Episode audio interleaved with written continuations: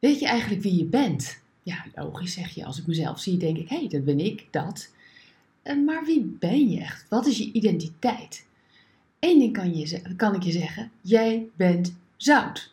Huh? Ik zout, zout op, zeg je misschien, ik ben smakeloos. Hoezo? Hoezo?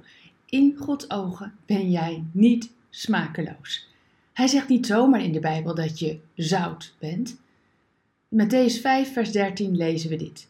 Jezus zei tegen zijn leerlingen: Jullie zijn het zout voor de wereld.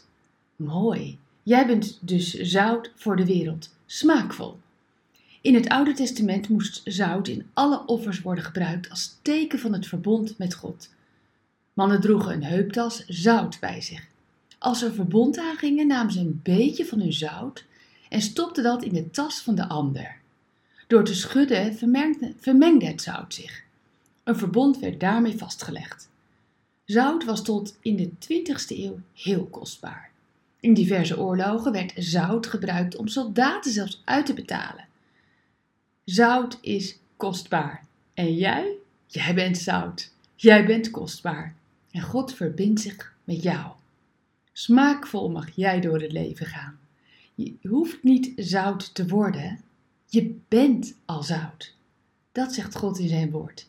Jezus heeft je vernieuwd. Hij bekleedt je met zijn gerechtigheid. En die bekleding past je.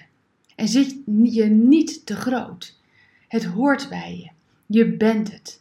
Dat is zo geweldig. Weet jij wie je bent? Vanaf nu weet je nog iets meer. Ik ben zout. Ik ben niet smakeloos. Zullen we samen God danken? Heer, dank u dat u zich met ons wilt verbinden. Wat een wonder. We willen niets liever dan smaakvol door dit leven te gaan, dankzij uw genade. We zijn u zo dankbaar. In Jezus' naam. Amen. Bedankt voor het luisteren naar Ik Wonder Jou. Hebben de woorden je hart geraakt en de teksten je geïnspireerd? Gun ook anderen Ik Wonder Jou. Meld ze aan bij www.ikwonderjou.nl.